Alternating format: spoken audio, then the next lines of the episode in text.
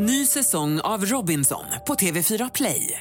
Hetta, storm, hunger. Det har hela tiden varit en kamp. Nu är det blod och tårar. Fan händer just nu. Det. är Detta är inte okej. Robinson 2024, nu fucking kör vi! Streama söndag på TV4 Play.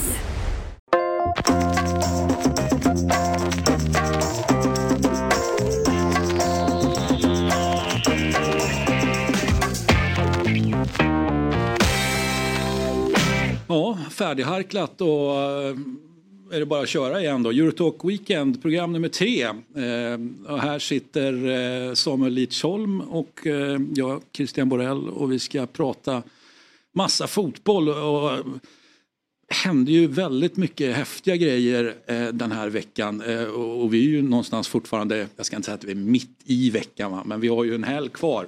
men eh, jag brukar inte vara sådär superpepp rent generellt på, på gruppspelet i Champions. Eh, men eh, det hände grejer du eh, och det var häftiga matcher, det var bra matcher. Ja verkligen. Eh, om man ser till att eh, första spelrundan kanske var lite trött så var ju omgång två i, i Champions Leagues gruppspel, det var, smällde ju till. Jäkligt eh, roliga matcher. Mm, känns som man fick mycket svar och mycket frågetecken och äh, men det ska bli svinkul att, att dissekera Champions League-resultaten och insatserna framförallt då. Eh, första matchen du eh, vill prata om, vi behöver inte ta dem i någon speciell ordning utan det du eh, liksom var... Mm. Ja men jag känner att vi skulle få ha någon lite kronologisk ordning här. Vi börjar på tisdagen då. Det, min huvudmatch var väl, var väl då eh, eh, Napoli-Real Madrid. Eh, föga förvånande. Eh, det jag också tycker var en fantastiskt rolig match. Det, det svängde och det fanns lite av allt möjligt och jag tycker man fick mycket frågor och mycket svar från den matchen till en början. Fan om inte Real Madrid ska gå på Osimhen istället för Mbappé. Mm. Ja det finns väl alla möjligheter i världen att göra det, förmodar jag. Ja, alltså, ja det, det vet jag inte alls eh, om det finns men jag hoppas det. Alltså, Osimhen är...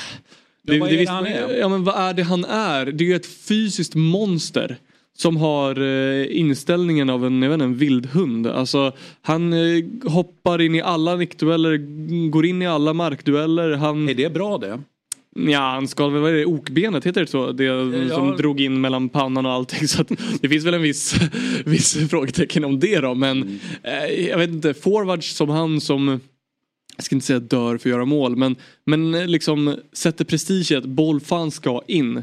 Det är en jäkla egenskap alltså i, liksom, i tider av att man är rädd för att ta en tackling eller sådär. Han, han menar på att bollen ska in till varje pris. Så Du eh, ser inte framför dig, eller vill egentligen inte se att han eh, lugnar ner sig, värderar lite annorlunda. Du, liksom, den, den här på-knappen, den ska, den ska han njuta av Ja, men- och ha så länge han bara kan ha den. Ja men absolut, alltså, jag tycker charmen av hans spelstil är ju att de här långa, långa, långa benen liksom tar eh, älgkliv.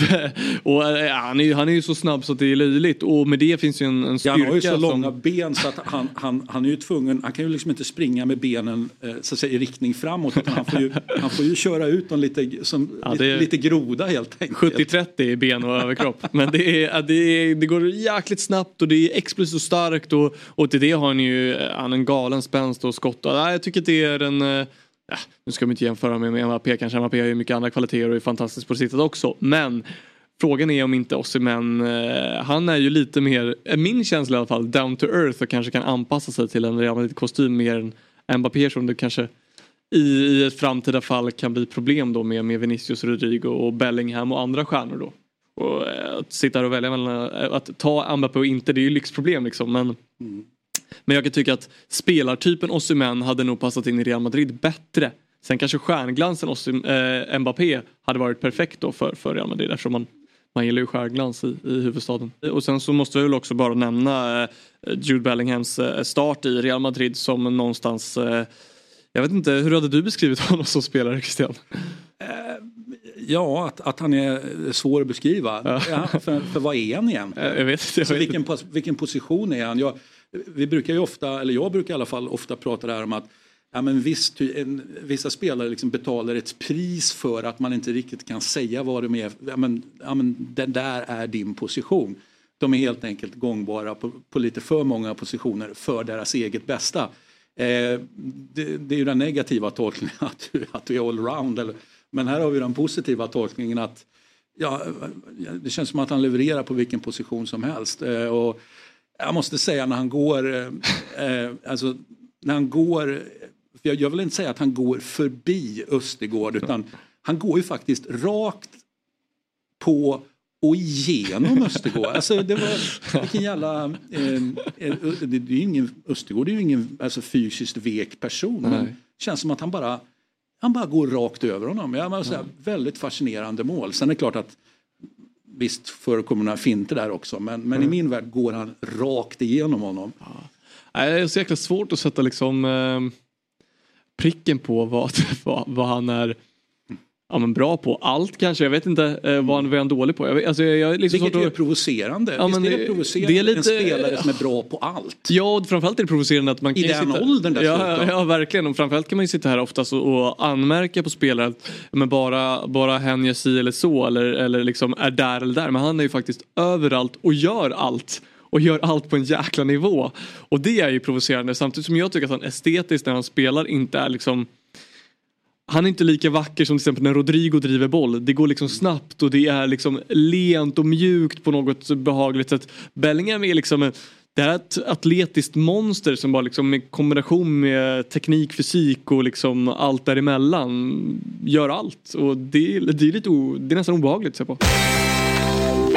Men om vi, återgår, eller om vi går till Napolis insats då, vad, vad, vad tar du med dig från, från matchen i bemärkning av Napoli? Ja, att man, får, eh, att man gör en bra match och att man får applåder när man går av eh, banan och att eh, Nathan då liksom eh, har han ju spelat, eh, inte från start på säsongen, han kom ju ganska sent, var, var inte riktigt fit heller.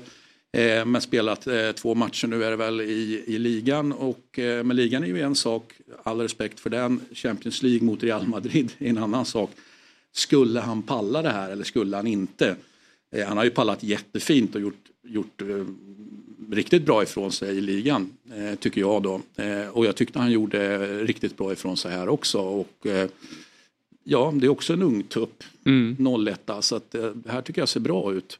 Ja, verkligen. Och som du säger också inne på tidigare, det är Östergaard som, som eh, ja, blir överkörd, genomkörd eller bortkörd på, på, liksom, på ena målet och sen så bryter väl Bellingham bollen från nere Di Lorenzo och spelar förbi Östergaard som Vinicius enkelt går förbi och gör mål. Så att det är Östergaard i den här matchen som har liksom kanske den negativa bemärkelsen av Napoli mittbackarna och Nathan tycker jag faktiskt jag tycker inte man så här såg, såg något speciellt av honom vilket oftast kan vara ganska bra betyg för en mittback. Att så här, han höll sig, han gjorde det stabilt och bra. Han vinner väl också nickduellen till, till eh, 1-0 målet va, där Östergård sen. eh, Så att eh, jag tycker han kommer undan med en bra insats. Och, och plus en till Napoli-spelare, Anguissa. Eh, som jag också Lite någonstans... back on track nu. Eh, Han hade ju en lite en seg start på ligaspelet Mm. får man ju säga. Ja, och jag tycker att han har... Eh, det jag tycker det är häftigt med spelare som har den fysiken han har. Eh, alltså han är stor, han är stark och liksom han är jäkligt rörlig på ett sätt. Och, och när de, han var ju inte så bra i Premier League i fulla men fick ordning på det i Napoli. Och när en tränare och en liga och en miljö sätter sig för en sån här spelare. Det är, jag tror att höjden där är liksom, han var ju jättebra när Napoli vann scudeton förra året. Men jag tror att det finns en ännu större höjd i honom som man behöver få ut. Eh, och att ha en sån spelare som kan matcha Real Madrid-laget fysiskt. Det är ju... Nej, jag tror att han... Eh, jag tycker att han är spännande. Jag gillar det jag ser av honom. Ja. Eh, kanske till och med var honom till Real, vad vet jag. Kanske. Eh, eh, vi ska titta lite grann på Nathan för jag tycker att det här med Nathan är, är väldigt fascinerande. Nathan, det var ju mycket kritik mot, mot eh, Napoli eh, när man då tog, eh, för det första var det ju otroligt många namn. Vem skulle ersätta Kim? Jag menar, alla förstod att okay, Kim måste ersättas. Eh, och eh, så här eh, såg det ut eh, under sommaren. Det vill säga jag har klippt, klippt ut här som vi kan sitta och, och titta på. Vi ska strax eh, ta en del namn här. Eh, under sommaren då, eh, när jag sitter och följer Mercaton så, så följer jag så att säga, klubb för klubb, position för position. Eh, och då är det ju liksom, jag menar, rykten. Utgångspunkten är att okej, det är ingen rök utan eld. Så all, allt som nämns är ändå någonting som är up for grabs så att säga. Och jag skulle säga att i, i italienska fotbollen i alla fall så var det ju ingen position där det var lika mycket ryktesspridning så långt in på, på, på Mercaton som just vem ska ersätta Kim då. Eh, bara för att ta eh, några, för det är en väldigt lång lista. Det var Scalvino, det var Mavropanos, det var Deki, det var Danso, det var Bijol, det var Milenkovic, det var Hanko, det var Schurz, det var Kadjoglu, det var Lokomi, det var Itakura, Lenormand, Killman, eh, Simakan, eh, Murillo. Eh, ah, och det är som sagt var eh, bara några. Eh, och kritiken man fick sen, ja men, det blev Nathan. Liksom, okänd ung brasse. Dessutom hade han inte varit skadad precis nyss. Vad är, vad är det här för nedmontering? Så här kan vi inte ha det. Ehm, Var inte fast det exakt är ju precis kritiken? så man kan ha det. Var inte jag. det exakt kritiken som när Kim kom från Galatasaray? Är Vad är det där för snubbe? Vad är det här för snubbe? Vi varvar en, en sydkorean eh, från, från turkiska ligan. Är det inte till Turkiet man går om man vill lägga av med fotboll liksom? Eh, och vi säljer eh, ja, men, Koulibaly då till, till Chelsea. Så det var väl exakt den här kritiken som Nathan då får, som Kim fick och se på utfallet där. Och har man då eh, scoutingansvariga, för den delen sportchef, de har ju bytt eh, sommaren som gick precis, det vet ni, Giuntoli till, till Juventus och eh, Meluso in, men scoutingansvariga eh, Micheli och Mantovani som ju har varit i två sessioner i Napoli, eh, nu senast eh, kom han 2018 som alltså är inne på sin sjätte säsong i det här. Eh, alltså, det kan scoutas vid, vid foten av Vesuvius helt enkelt, säger jag.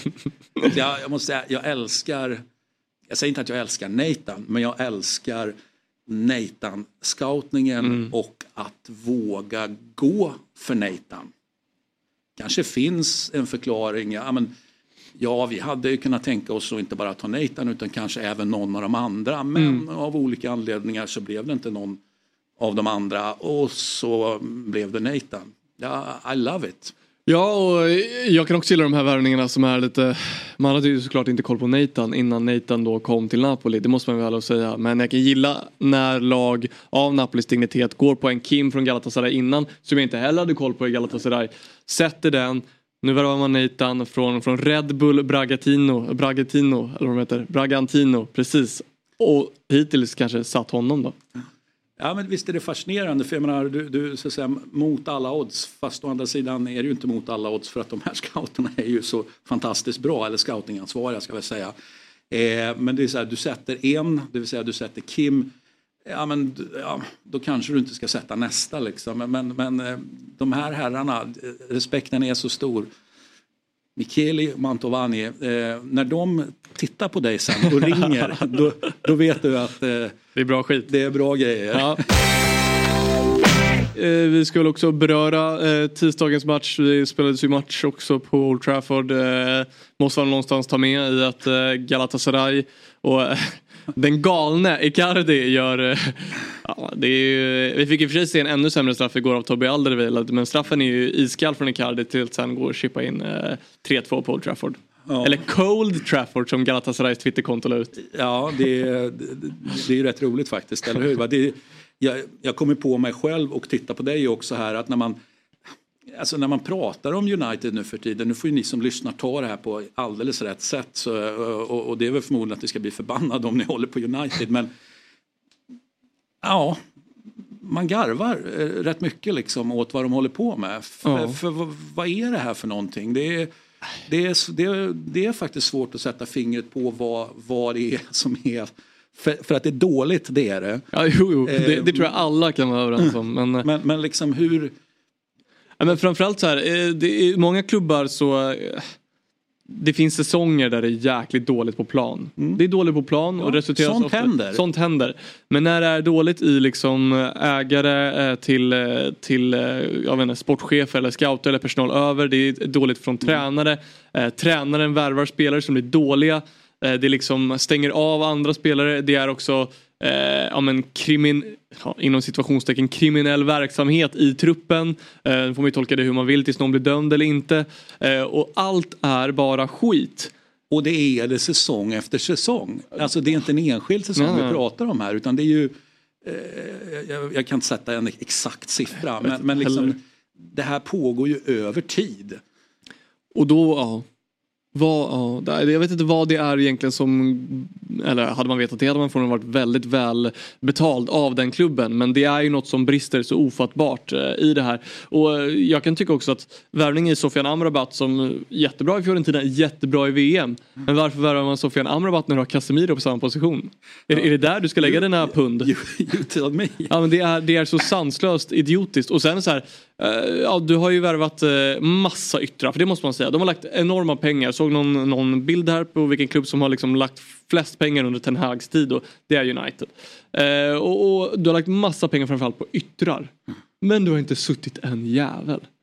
Och nu verkar man ju hittills har man kunnat sätta så en nia för Höjlund har ju öppnat riktigt, riktigt bra måste man ju säga. Eh, och då kan man säga, är han liksom Manchesterfierad ännu? Har han liksom fått pesten än eller rider han på någon slags Atalanta-våg? Men eh, vad är det som är så fel i klubben? För att så många dåliga spelare är det inte som har kommit till, till Manchester United. Utan det är bra spelare som går dit och blir mycket sämre. Eh, alltså jag, jag, jag börjar tänka så här, alltså en exorcist liksom. Är, det- är det inte på den nivån? The power of Christ compels you! The power of Christ compels you! Det, är- det är någonting som är väldigt fel, oklart vad som är fel. Eh, och det är, eh, ganska- liksom, jag sa ju tidigare att, att vi garvar nästan åt det för att det, det är liksom så här of, alltså Det blir osannolikt- komiskt på något sätt. Ja, det är osannolikt Mm. dåligt. Va? Men samtidigt så vet man ju själv när man hamnar i en sån loop så att säga att vad man, vad liksom, man kanske gör grejer som på pappret, ja men, ja men det där är rätt att göra. Ja men och så gör du liksom, på pappret rätt att göra men i verkligheten så bara, så bara funkar det inte. Alltså, vad, vad jobbigt det måste vara eh, för de flesta, jag tror att en del skiter i det om jag ska vara ärlig, vilket är väl en del av problematiken.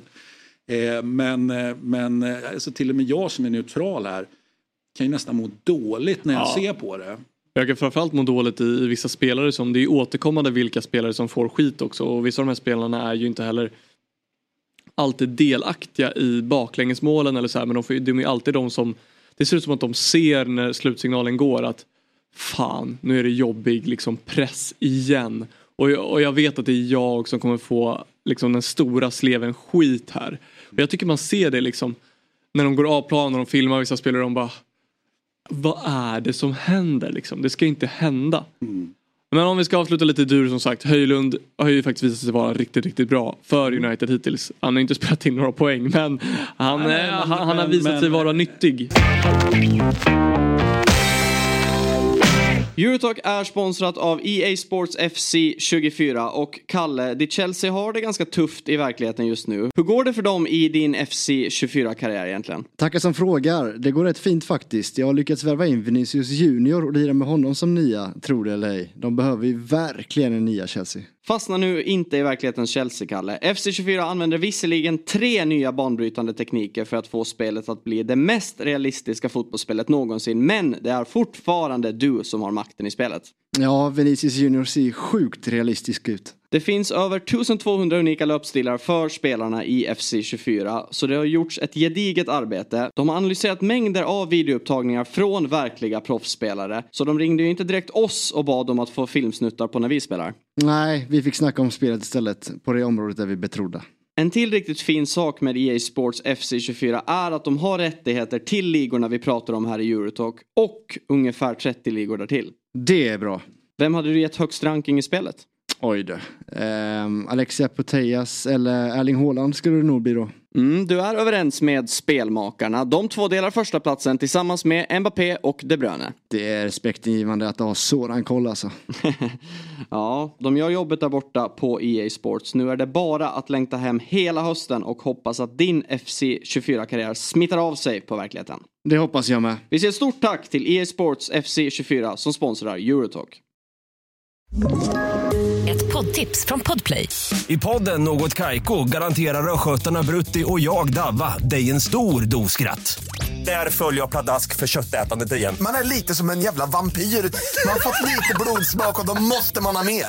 Udda spaningar, fängslande anekdoter och en och annan arg rant. Jag måste ha mitt kaffe på morgonen för annars är jag ingen trevlig människa. Då är du ingen trevlig människa, punkt. Något Kaiko, hör du på Podplay. Därför är gardinerna. Du brukar ju snacka om planenliga förluster eller inte. Här förlorar ju ditt eh, Arsenal mot, mot Lans borta. Ja, sitter jag är nöjd med det? Ja men det är det jag tänkte Nej, fråga. det- eller vad, det- nej, vad känner alltså, du? Nej, jag är inte nöjd med det.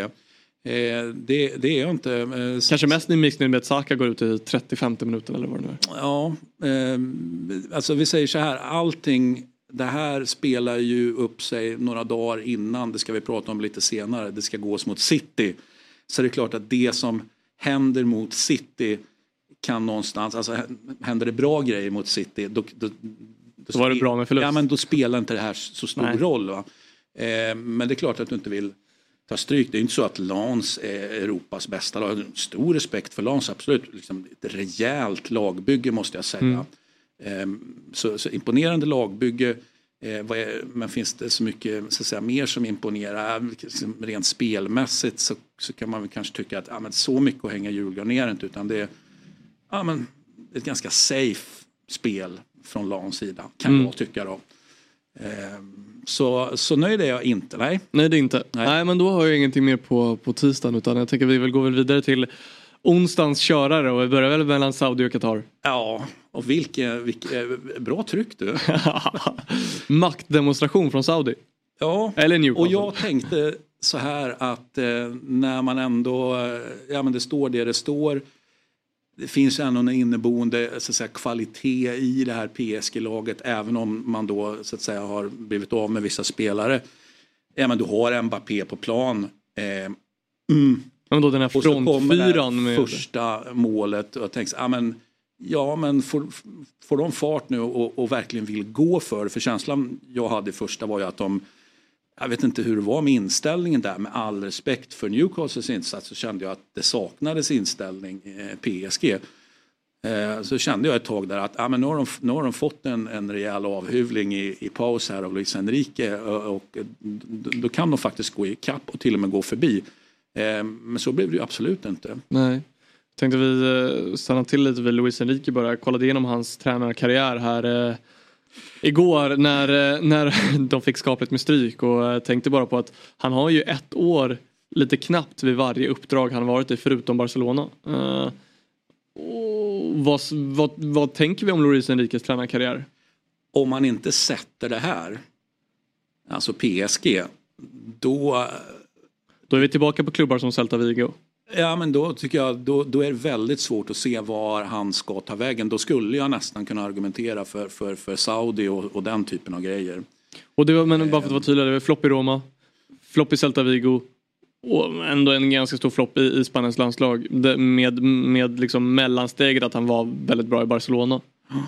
Ja och och i Roma var han ju ung men valde ju, och, vilket jag inte riktigt kan förlåta honom för det var ju inte så att han fick sparken där utan han valde ju själv att gå. Trots att han var uppbackad av, av eh, dåvarande sportchefer och grejer. Så att, och de visste ju att vi, med, med Luis Enrique är vi ute på en resa. Liksom. Det, det kan inte vara klart efter, efter en säsong. Eh, men han valde ändå, liksom, eh, det kan jag tycka var både synd och, eh, och lite dåligt. Men jag är lite orolig för jag, jag, jag håller ju Luis Enrique, jag tycker väldigt mycket om honom, håller honom väldigt högt. Eh, och det är klart att han hela karriären eh, har, alltså hela tränarkarriären då, alltså vågat. Eh, han, har vågat han har vågat mycket skulle jag vilja säga hela tiden. Men även i, i det segmentet som är våga mycket så finns det liksom en, ja, en lite lägre eh, vågadel och en liksom jag vågar allt. Och det är ju precis där han är nu. Och det som ju blev hans fall med landslaget också. Att, ja, men jag vågar allt. Jag, och, och jag bara kör, alltså, alltså lite kamikazevarning Ja. det. Och i landslaget kan jag ändå tycka att Sett i en tradition av Spanien och hur spanska fotboll har sett ut senaste åren och hur det, den fotbollen förmod, jag förmodar att han vill spela ser ut så tycker jag att det var helt rätt av honom att försöka uppnå någon slags hundraprocentigt bollinnehav i de här matcherna. För det materialet hade han ju också.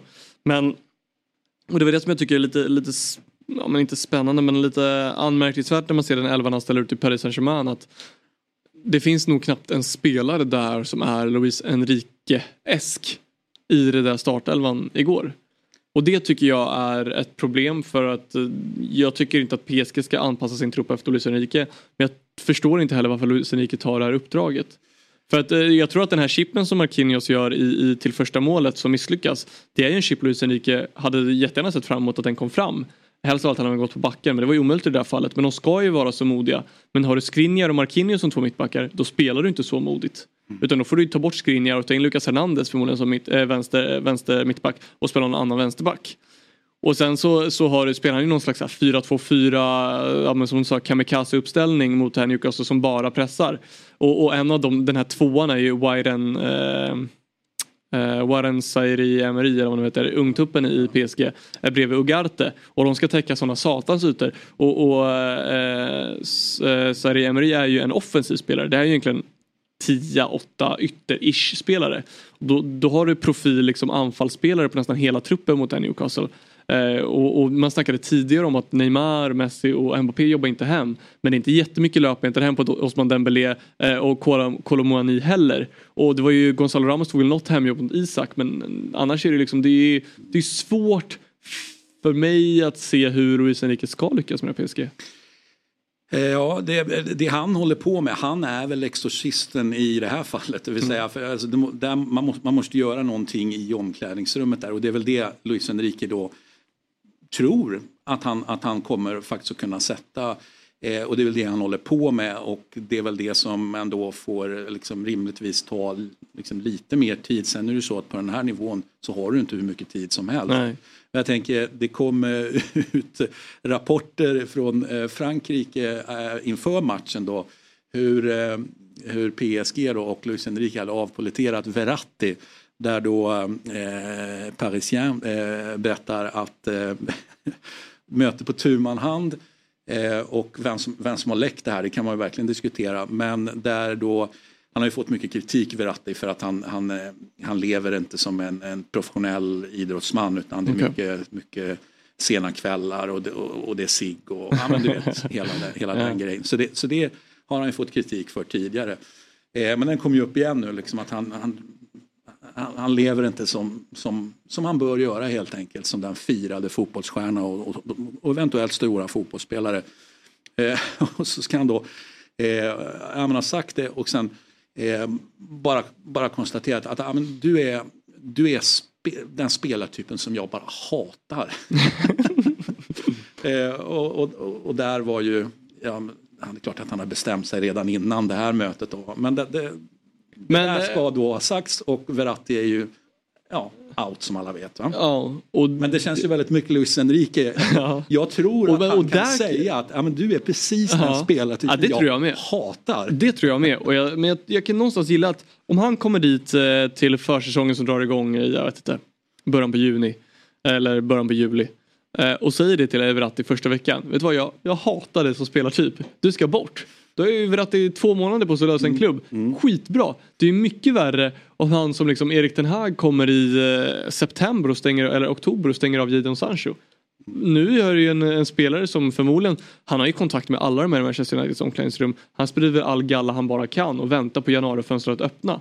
Det är mycket bättre hanterat av Luis Enrique att bara klipp Verratti i början eh, för att du hatar honom. Ja, jättebra. Det, det märkte han Eller tidigt. hatar han spelartyp. För, Ja, för vad, Så, vad- får- så får det väl vara, spelartypen. Men om vi ska gå in på själva matchen då. Eh, 4-1 Newcastle, var det något du såg på förhand? Nej. Ehm, Jag kunde ju se en, en hemmaseger, det hade jag liksom inga problem med att göra. Att det, det skulle absolut kunna hända. Men på det övertygande sättet som det ändå blev. Eh, och som jag sa, när, när PSG ändå kommer ut, får kontakt och sen så eh, fortsätter bara den här Eddie Howe-maskinen då. Eh, Alltså respekten för, för Eddie Howe och det han gör. Jag måste säga, det är, vi pratar om Luis Enrique här och man har liksom respekt för honom. Och, eh, han- kör liksom åt kamikaze-hållet. Jag vet inte vad Howe kör för någonting men jag vet ju också hur otroligt, be- som, efter de initiala framgångarna fick han ju ett rejält så att säga, hack i kurvan. Fick ju oerhört mycket skit att, ja men och då var det de tidigare framgångarna, då var det inte ens tack vare honom längre Nej. utan då var det liksom, ja men det var, det var nog någon annan eh, faktor som var, vägde tyngre än vad du gör. Eh, han visar ju med besked nu sen återkomsten att Ja, det är exakt hur bra tränare han är. Det, tycker jag det får framtiden utvisa. Men att det är en riktigt bra tränare, det, det, så är det ju bara. Frågan är om man är tillräckligt bra och har tillräckligt mycket star quality för saudierna Ja. i ett längre perspektiv. Mm. Ja, så länge han fortsätter göra resultat så tror jag inte det är någon tvekan om det. Men det, det kommer ju bli problematiskt. De, de värvar ju väldigt smart men inte så dyrt heller. Visst, Tonali var dyr, Isak var dyr och eh, Brunge var väl dyr till, till en viss eh, åh, Bottman till en viss del. Men, men inte så dyra som man kanske hade trott till en början. Vad händer om saudierna går på på lite mer stjärnamn, hur som du säger, hur kommer de stå sig till liksom Eddie Howe? Eh, Men Ja, det jag tycker- är ju ledig nästa sommar. ja, där ska man hålla sig borta. men, Ja, det eh, finns inte ett, inte ett projekt han inte kan sänka nu för tiden. Nej, så nej, är det ju nej så är det, så är det ju. Och, och jag tycker att svansföringen i media av honom, om vi ska toucha det lite lätt, är, är fortfarande häpnadsväckande. Den, den spegelbilden, det är, det, det är illa. Eh, men han lär väl landa någonting i Mellanöstern sen till slut. Men eh, superintressant match och det är ju framförallt det jag tror jag lyfter Newcastle från början är ju deras pressspel som publiken. Det, är, det känns som publiken suktat efter det här i alla de åren de har varit utan Champions League-spel och eh, jag tror att vi kommer få se ett riktigt farligt Newcastle på hemmaplan. Frågan är om det kan bli en så här Celtic-grej. Du vet, nu är de mer kvalitet än Celtic och, och andra lag eh, i den benämningen. Men jag tror de kommer vara livsfarliga på, på St. James' Park.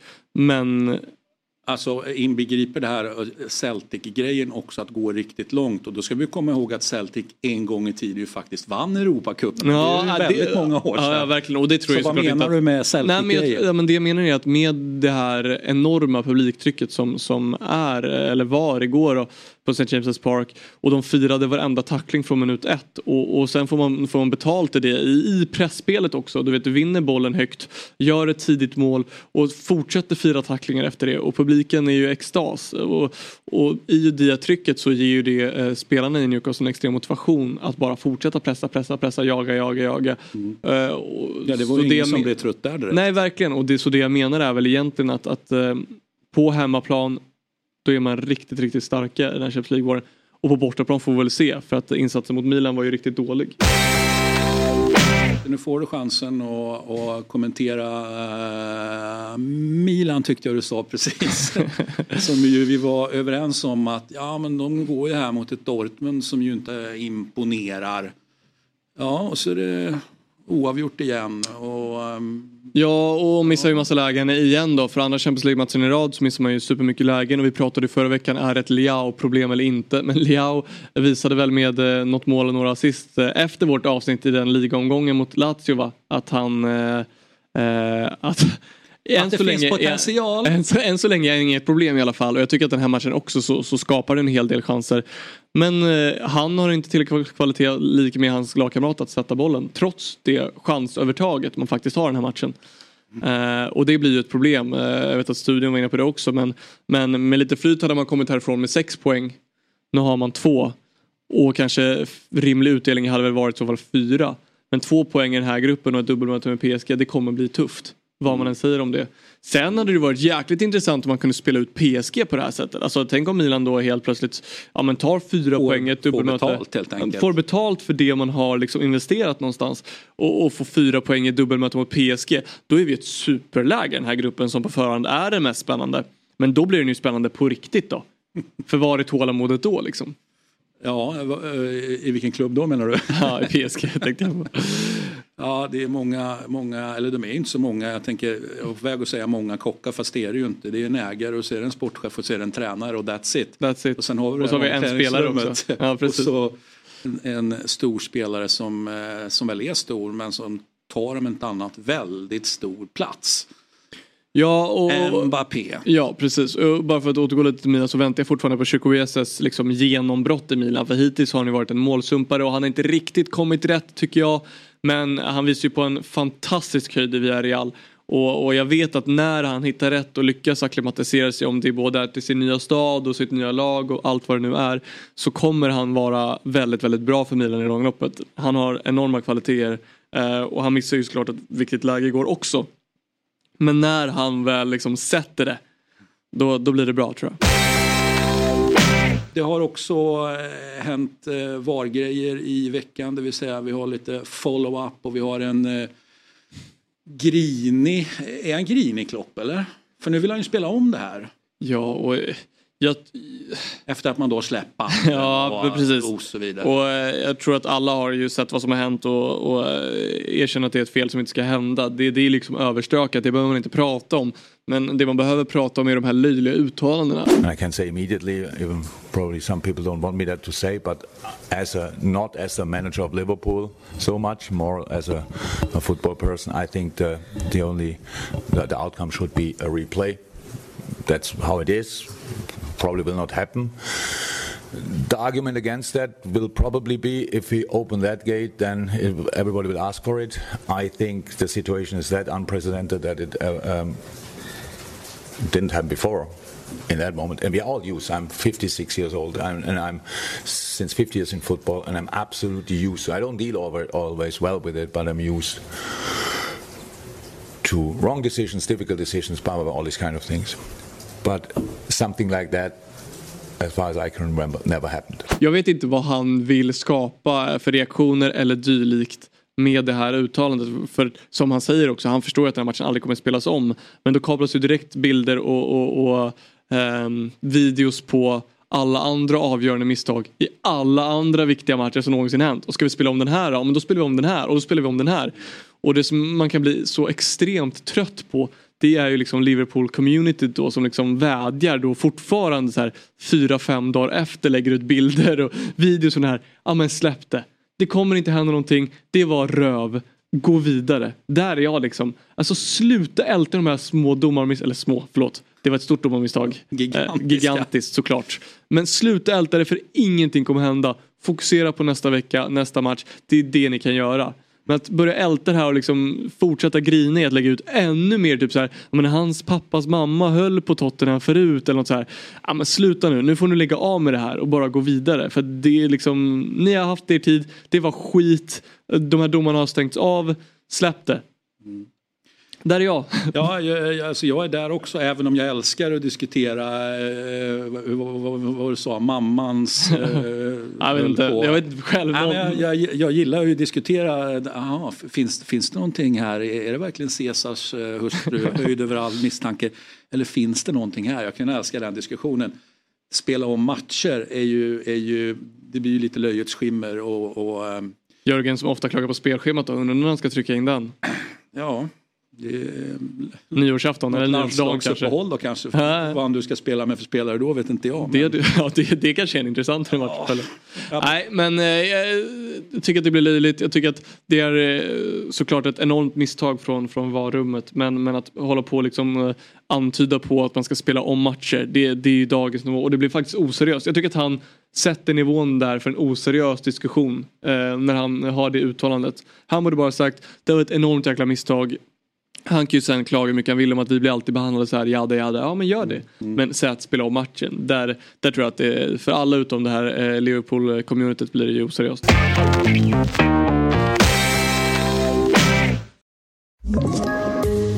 Poddtips från Podplay.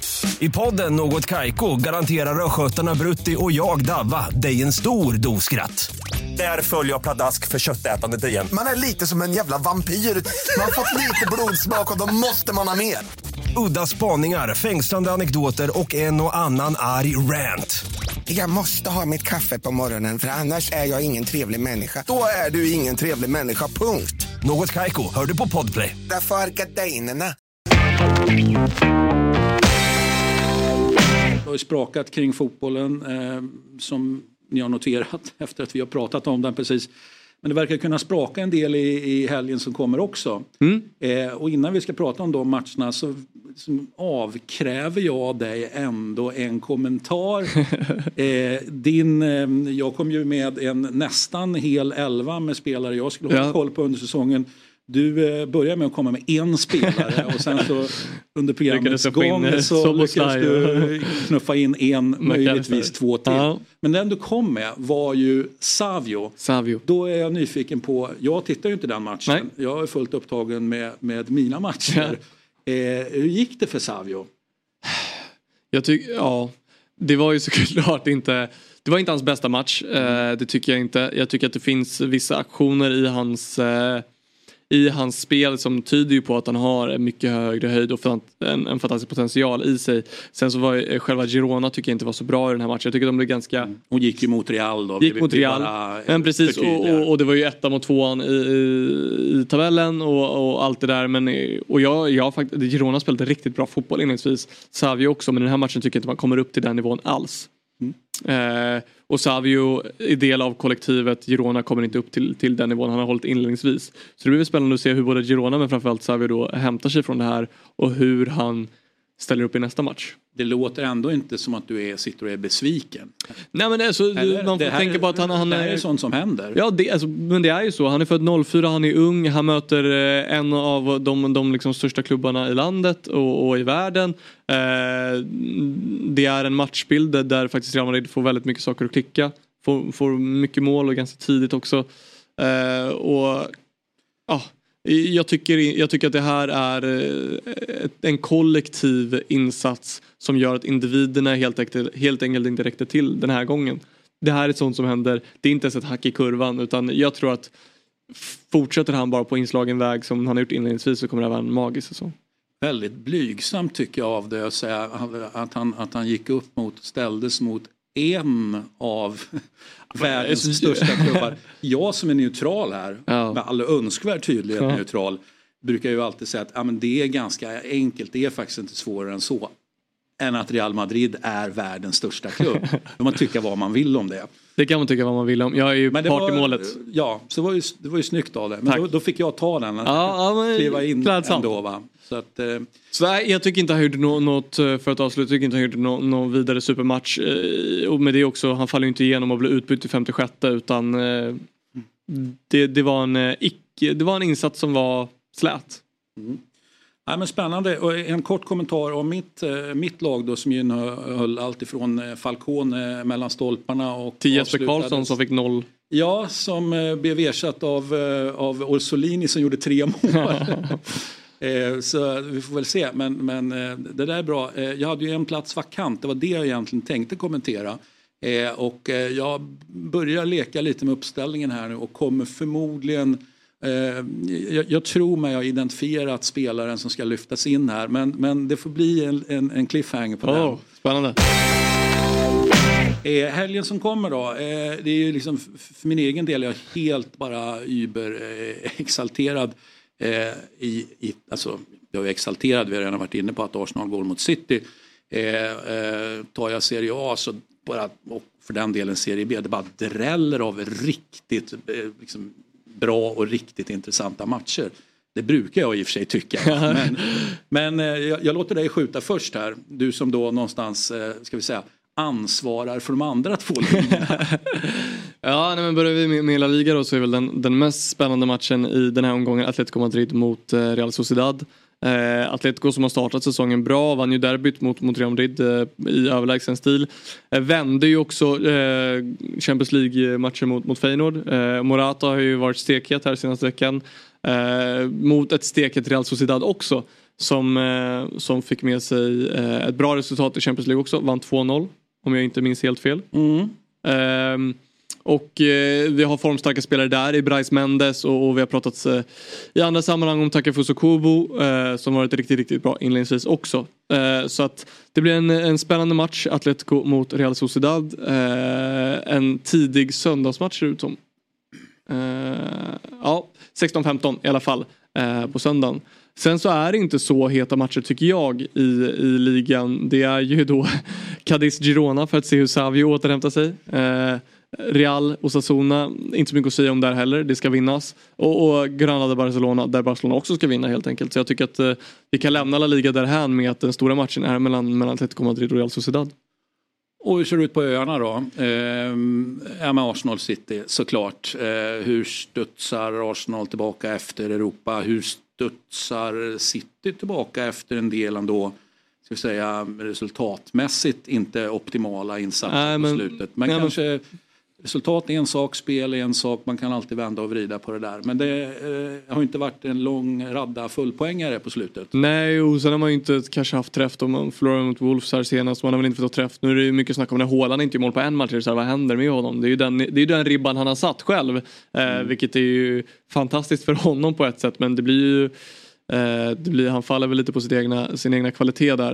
Eh, så vi får se, han gick ju mål sen mot Leipzig också. Rico Lewis fick väldigt mycket beröm. Alvarez kommer in i mål efter två minuter tror jag. Eh, så att det, de har ju faktiskt fått in några intressanta spelare här med Doky också som, som kommer in och jag gillar den spelartypen. Jag tycker Pep Guardiola alltid behöver en sån spelartyp. Och jag den förra året kanske var Mares, jag tycker inte han riktigt är där. Men framförallt innan var det ju Leroy Sané som jag, som jag älskade i City. Um, jag älskar när, när, när namnet kommer upp då. Du, du säger Doku, jag, jag, bara tänker Star Wars och, och, och, och äh, greve Doku direkt. eh, eh, ja. så, så, jag kan vara svag för honom bara ja. där. Master Kenobi, you disappoint me. Det är inte jättekul att vara Manchester United och ta emot Brentford. Eller? Nej, i och med att Brentford som vi pratade om tidigare har en så tydlig liksom, destruktiv spel, eller destruktiv, du har en spelare som är mer cynisk helt enkelt och de gör väldigt bra resultat på det. Och de har väl haft historiskt ganska lätt mot, mot United. De vann väl i Ten Hags debut va? Eh, övertygande förra året. Eh, ja, nu kanske jag säger bort mig här men eh, jag tror att det är ett det hade varit värre om Brentford var hemmalag om vi säger så men det är mm. tror jag en farlig match. Eller? En farlig match. Eh, och liksom på tal om farliga matcher, West Ham har gått svinstarkt mot Newcastle som har en, hel, en rejäl urladdning här. Hur studsar de tillbaka?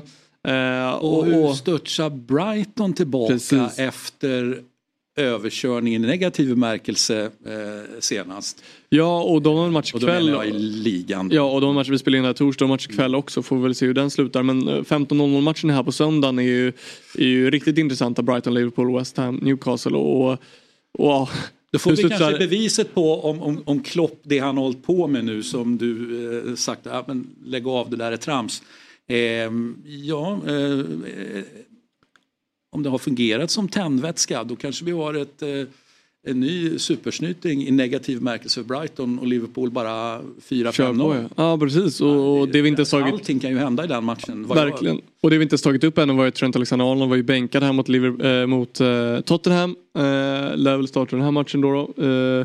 Men vi såg också Klopp som också blivit viralt, klippet när han visar Virgil van Dijk att han ska visa stort hjärta och efter det får de väl eh, rött kort och släpper in ett mål till, Matip självmål. Så att vi får väl se vem som visar störst hjärta här på söndag mellan Brighton och Liverpool och vem som framförallt hanterar smällen bäst. Ja, eh, Serie A då, eh, ja precis, det, jag, jag, kan inte säga, den, den, är ju alltid het men vi har ett Turin-derby ändå va? Så att, liksom, och det är ju alltid hett, det, det är inte svårare än så. Derby de la Mole. Eh, kanske... För, för, I min värld får ändå rejäl, eh, liksom, eh, vad sägs om inte Bologna? Vad sägs om Lazio, Atalanta, Napoli, Fiorentina? Alltså, det här har ju en, en kvartett, eh, alltså riktigt, riktigt fina matcher. Och, om vi tar... och då menar jag inte bara för en som är, är, är hooked på Serie A som var jag utan, utan rent generellt. Det, är, det är fyra riktigt fina möten. Och hur ser du på, på just derbyt av Juventus Torino? Vad var ingångsvärdena och vad blir eh, utgångsvärdena? ja, de är ju alltid de samma i, i modernt. Det, det är ju det att eh, ja, det spelar ingen roll egentligen om, om Torino har lite bra feeling innan för de förlorar i alla fall. Och det spelar ingen roll om det är hemma eller borta för Juventus är så uppenbart storebror här. Eh, och nu är det dessutom en hel del skadeproblem i och mer eller mindre hela backlinjen borta, mm. Eh, ordinarie, i Torino. Så att det, är ett, det är ett skadedrabbat Torino. Så att, eh, jag är helt övertygad om att Juventus vinner men det, men det är alltid i det här derbyt. Så att, sen kanske jag vill någonting annat. Ja. Men det, det, ja, då är det ju många Torino-spelare minst sagt i din, i din elva då. då. Ja, det, det finns väl en svaghet i alla fall för spelarna. Ja, dags att, att steppa upp nu då. Ilic som lyssnar på Eurotalk Weekend. Det har jag från säker källa. um, så, så, det blir spännande. Men sen måste jag ju säga, eh, alltså tränarmatchen Inzaghi mot Thiago Motta i, i Inter Bologna helt enkelt är ju en eh, väldigt häftig, det är nog den jag ser fram emot mest då i, i, i Serie A. Eh, Lazio-Atalanta, superspännande. Läget i Lazio lägret är ju kanske inte optimalt. Det kommer mycket rapporter om att det, att det gurglas mellan, mellan Sarri och, och Lotito och så kommer rapporter om att nej, nej, nej, det gör det inte alls. Och så, men, men, eh, Undrar man vilken ytor som är Ja. planterade och inte. ja, vi, vi, vi, vi får se vad som händer här eh, mellan dem. Eh, det, å andra sidan ska det finnas friktion. Jag tror, jag tror på friktionen. Mm. Sen får ju inte friktionen bli för stor. Så att det är ett stämbör. Alltså, alltså jag har verkligen varit med och studerat på nära håll. Har ju såklart du också gjort, förmodar jag. Men jag har i alla fall gjort det. Ja, men där det mer eller mindre funnits inbördeskrig i en klubb mellan olika liksom, tunga pjäser så att säga. Eh, och, och, men det är ju hållbart. Det är inte hållbart över tid. Så kan man alltid diskutera vad den tiden är. Ja. Eh, men det, att det kan vara så en, en säsong, det har jag egentligen inga problem med. Det är jobbigt som fasen för väldigt många. Det är jobbigt för spelarna att navigera, i min värld i alla fall, navigera i när du kanske har en, en president och en sportchef och en tränare och så, och så, och så tjafsas det helt enkelt. Och det, det, det tar på men- krafterna. Ja, och jag tror också på friktion om jag ska vara helt ärlig. Eh, men det får ju inte bli eh, Conte mot alla utan eh, då är det jäkligt svårt. Utan du måste ju ha, om du är tränare till exempel och skapar friktion då måste du ha- veta att du har spelartruppen med dig. För då, du ska ju ofta skapa friktion du ska ju skapa en vi-känsla tror jag. Det är därför du har friktionen tror jag. Om, om, eh, om jag får säga hur jag skulle ha friktionen är att det är liksom här är vi tränare och spelare mot ledningen som inte vill ge oss det vi vill ha kanske. Då kan det bli en jäkla drivkraft. Men, men som, som jag upplever att Conte då gjort vissa gånger till exempel då att skapa en friktion mellan sig själv och spelartruppen. De som ska jobba inte bara för dem själva men för honom och för hans idéer. Då är det en friktion du till slut, det är ett krig du till slut kommer förlora. Ja, då får du göra som Luis Enrique helt enkelt. Att du gör klart för att... Jag är klart det tidigt, jag hatar det som spelare.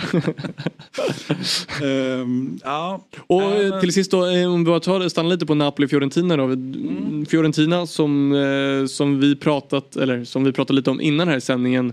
Att du ville prata lite om har gjort 2023 tredje mest mål av alla klubbar i, eh, i eh, de fem största europeiska ligorna. Ja, men det är ju sånt där med statistik. Helt plötsligt så dyker det upp eh, liksom när man sitter vid datorn och så, och så rullar någonting förbi och så rycker man till. Oftast rycker man ju inte till fast det är å andra sidan väldigt lätt att hitta statistik som man rycker till. Men här var en statistik jag ändå ryckte till eh, eftersom det då under fjolårssäsongen då 22-23, ja, men då hade ju Fiorentina notoriskt liksom svårt att få igång målskyttet då. Då menar jag egentligen centertankarna och få det att, fungera då i ett tremananfall. Och då var det precis likadant eh, inledningen på den här säsongen då att liksom att målskörden, ja det kommer någon annan i, i, i början på den här säsongen är det Nico Gonzales då men, men han är ju inte nia utan han går ju liksom på kanten. Så att, eh, notera ändå målskörden och funderar också lite grann på vad händer liksom jag vet inte, om kan det ju inte vara, för liksom, så jag säger när. För jag menar, förr eller senare måste ju dina nior börja, börja, börja rulla in bollen. Va? Det är, så är det ju bara. Ja. Det, kan liksom inte inte fungera hur länge som helst. Ja, och speciellt inte om du har gjort 82 mål på ett eh, kalenderår. Att du då har nior, den positionen som ska göra mål, som inte gör mål. Ja. Du, eh, Ja, det är ju provocerande Det är provocerande. Nej, så det blir jätteintressant att se hur, hur det är Napoli som, som gjorde en bra insats här i veckan i Champions League eh, möter, möter Fiorentina. Då. Eh, två egentligen målglada lag va? Ja, det får man väl ändå säga. Och, ehm, Något som du hatar. jag säger så här, jag är inte nödvändigtvis förtjust i alla fall. Nej. Eh, Men du hatar dem inte lika mycket som Luis Enrique hatar Verrattis spelstil? Nej, alltså eh, Luis Enrique han, han, han är ju faktiskt ett. Jag jag ser honom allt mer som ett parallellt universum, ett sidospår, ett, eh, en, en, en, en, en kamikaze-pilot som inte Liksom, eh, nu kanske man inte, inte kan eh, få kontakt med kamikazepiloten kamikaze-piloter för liksom, tanken är att du ska inte ha det för att han ska krascha. Va? Men om du ändå leker med tanken att du på något sätt kan, kan få någon radiokommunikation med så känner jag mer liksom att Luis Enrique han har klippt alla, alla, alla, alla sladdar och allting. He's going rogue. Och, och nu är det bara, ja, nu, nu bara kör han. Ja. Eh, och det är väldigt fascinerande att se, eh, måste jag säga. Ja, Så är vi på verkligen. Luis Enrique. Ja, igen. Jag älskar Luis Enrique. Jag vill, jag vill vara väldigt tydlig med det. Sen ser jag att det finns brister också. Eh, Men han skiter i de bristerna. Ja, han gör ju bevisligen det. Han är en fascinerande person på, på, på, eller tränare eh, på, på så många sätt och vis. Så en, en alldeles underbar helg räknar jag med. Verkligen, verkligen. Väldigt mycket att se. Ehm, väldigt mycket att gotta sig i beroende på vilken liga man är lagd åt. Eller alla ligor om man vill. eh, Om man är lagd åt det hållet. Om man är lagd åt det hållet helt enkelt. Eh, sjukt mycket att se. Gå in och kolla Cadiz Girona för att se Savio säger jag. Ja, ja, men vi får se. Jag, jag, jag läser ju numera, vi säger så här, även om jag- inte tittade matchen så, så liksom är det med spelarbetygen kommer. eh, Ja, ja. Där, där jag ligger och följer så att säga, italienska Ja. eh, rapportering då, så, så är det lik förbannat så att det kommer spelarbetyg från Spanien. Så att eh, Savio eh, lever eh, Eurotalk Weekend med eh, åtminstone den här säsongen, för han skulle väl inte röra på sig i januari redan? Nej, han är på lån från Troja och ägs ju av någon Ja, City-variant. man kan så- ju röra på sig ändå i januari. Ja, men vem vet helt enkelt. Jag, jag, Supersuccé och så... Ja, kanske går över till riktiga City då. Ja, där lär väl kanske någonting hända i januari. Eh, med det sagt då, eh, tack Samuel. Tack snälla. Eh, så kör vi ja, nästa vecka igen och så bara njuter vi under tiden. Njut. Tack såklart ni som har lyssnat. Tack snälla.